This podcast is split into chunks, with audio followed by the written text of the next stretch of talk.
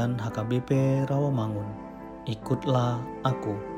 Rabu, 14 Juli 2021 dengan judul Waspadalah terhadap ketamakan.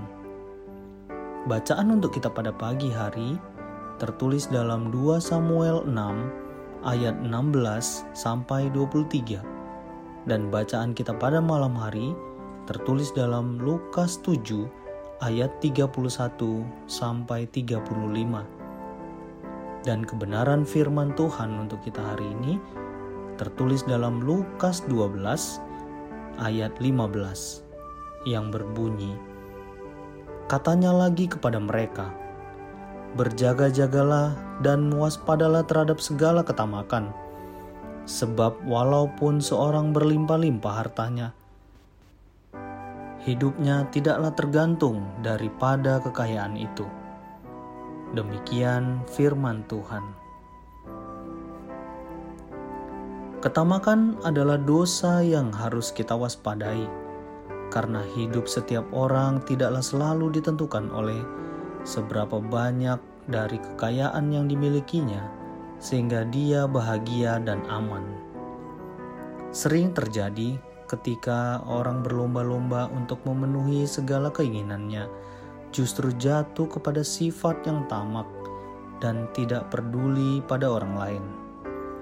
Ketamakan merupakan suatu keinginan yang tidak terkendali terhadap materi atau harta untuk dimiliki atau dikuasai.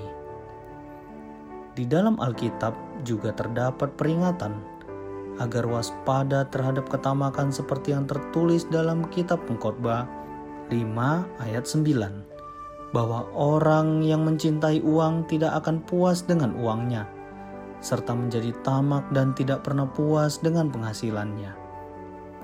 Marilah kita pahami bahwa harta atau kekayaan di dalam kehidupan ini merupakan sarana atau alat yang diberikan Tuhan untuk menyatakan kasih dan keagungannya guna menolong orang lain. Untuk itu, setiap orang percaya dipanggil agar semakin bijak dalam menggunakan harta kekayaannya. kita harus berhati-hati terhadap sikap tamak, karena ketamakan adalah salah satu cara yang dipakai iblis untuk membuat hidup kita lupa untuk bersyukur dan selalu haus dan haus akan kekayaan sehingga jatuh ke dalam dosa. Marilah kita mengisi hidup kita dengan selalu mengucap syukur, maka kita akan dijauhkan dari ketamakan. Juga kita pakai segala berkat Tuhan untuk menyatakan kasih dan kehadiran Tuhan kepada banyak orang. Mari kita berdoa. Jauhkanlah dari kami ya Tuhan hati yang tamak, karena kami tahu bahwa hidup kami tidak ditentukan oleh harta duniawi, tetapi oleh harta sorgawi yang tersedia di dalam Tuhan Yesus. Amin.